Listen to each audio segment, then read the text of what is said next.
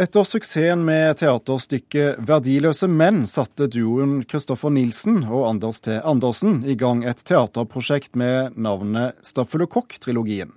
I helgen var det premiere på siste del av trilogien, Holocaust-musikalen. De som menn som møtte døden ved hjelp av gass. Oppblåste kropper i en skyttergrav tom for plass.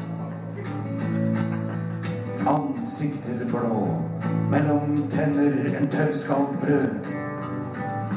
Slik var krigen full av sult og død. Herman Gøring var hans navn.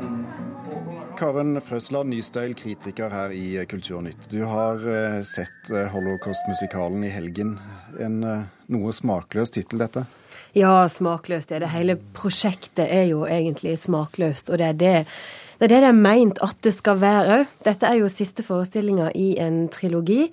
Første forestilling heter Hustyrannen, og etter den kom Entropi, og nå altså Holocaust-musikalen. Det er jo definitivt den forestillinga med det mm, mest smakløse navnet. Og man kan jo spørre seg om det går an å putte ordene holocaust og musikal sammen. om det kan bli noe, om det kan bli teater.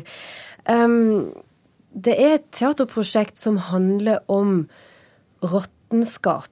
Og holocaustmusikalen handler veldig mye om, om misnøye. Hele prosjektet har vært å sånn, det har vært litt hamletsk. Det har vært å finne det som er råttent i kongeriket Norge. Og nå, i siste del av trilogien, så har vi kommet til Norge i dag, en liten verden som speiler en stor verden eh, der misnøyen først og fremst råde. Det handler mindre om holocaust og mer om, om, en misfornøyd tilstand i et land som absolutt ikke burde ha det. Greier de å finne det som er råttent i kongeriket? Ja, ja, de gjør det. Ved, ved, å lage en liten verden som skal speile den store. Vi er på en audition til Holocaust-musikalen. Og seks skuespillere kommer inn i auditionrommet, der, der teatret foregår i fangedrakter eller i kostyme. og etter hvert så låses de inne og må vente og vente på å få komme og vise det de kan på auditionen. Og den lille skuespillerverdenen, den lille auditionverdenen, starter ganske hyggelig, og hei, og skal du òg være med, og så fint, og sånn. Men etter hvert som de stenges inne, og etter hvert som de får litt å drikke, så pipler det fram synspunkter man ikke skulle tillegge noen. Det snakkes dårlig om, om innvandrere, det snakkes dårlig om norsk eldreomsorg. og det, det, det, er mye tabloid Det er så mye tabloid og, og sjølfiksert over det. Og det er det de vil løfte fram. Det råtner i, i denne sjølopptattheten, misfornøyelsen, som, som Norge òg preges av. Med alt dette snakket om holocaust og nazisymboler og, og, alt dette, hva er det egentlig vi ler av i forestillingen? Ja, ler vi? Vi ler av en, en tekst som til tider er ganske god. Vi ler av hvor dumme skuespillerne er. Vi ler når, når, eh, når skuespillerne på melodier 'Pølsemaker, pølsemaker' synger 'Auschwitz, Auschwitz, hvor har det blitt av meg'? Selv om det er jo ekkelt å le av òg. Ja, vi ler av, av, av, av, skuespillere i fangedrakt som prøver å bæsje på scenen og ikke får det til. Vi ler av skuespillere i fangedrakt som har sminka seg som klovner. Det, det, er jo rart, og det er morsomme virkemidler, men samtidig så syns jeg at noe av det visuelle virkemidlene um, tar fokus fra det stykket egentlig kunne ha vært. For uh, allerede fra man kommer inn i foajeen, opp trappa på Torshov-teatret, så, så det har Kristoffer Nilsen tegna sammen med Ridder. Tegna og tagga på hele veggen.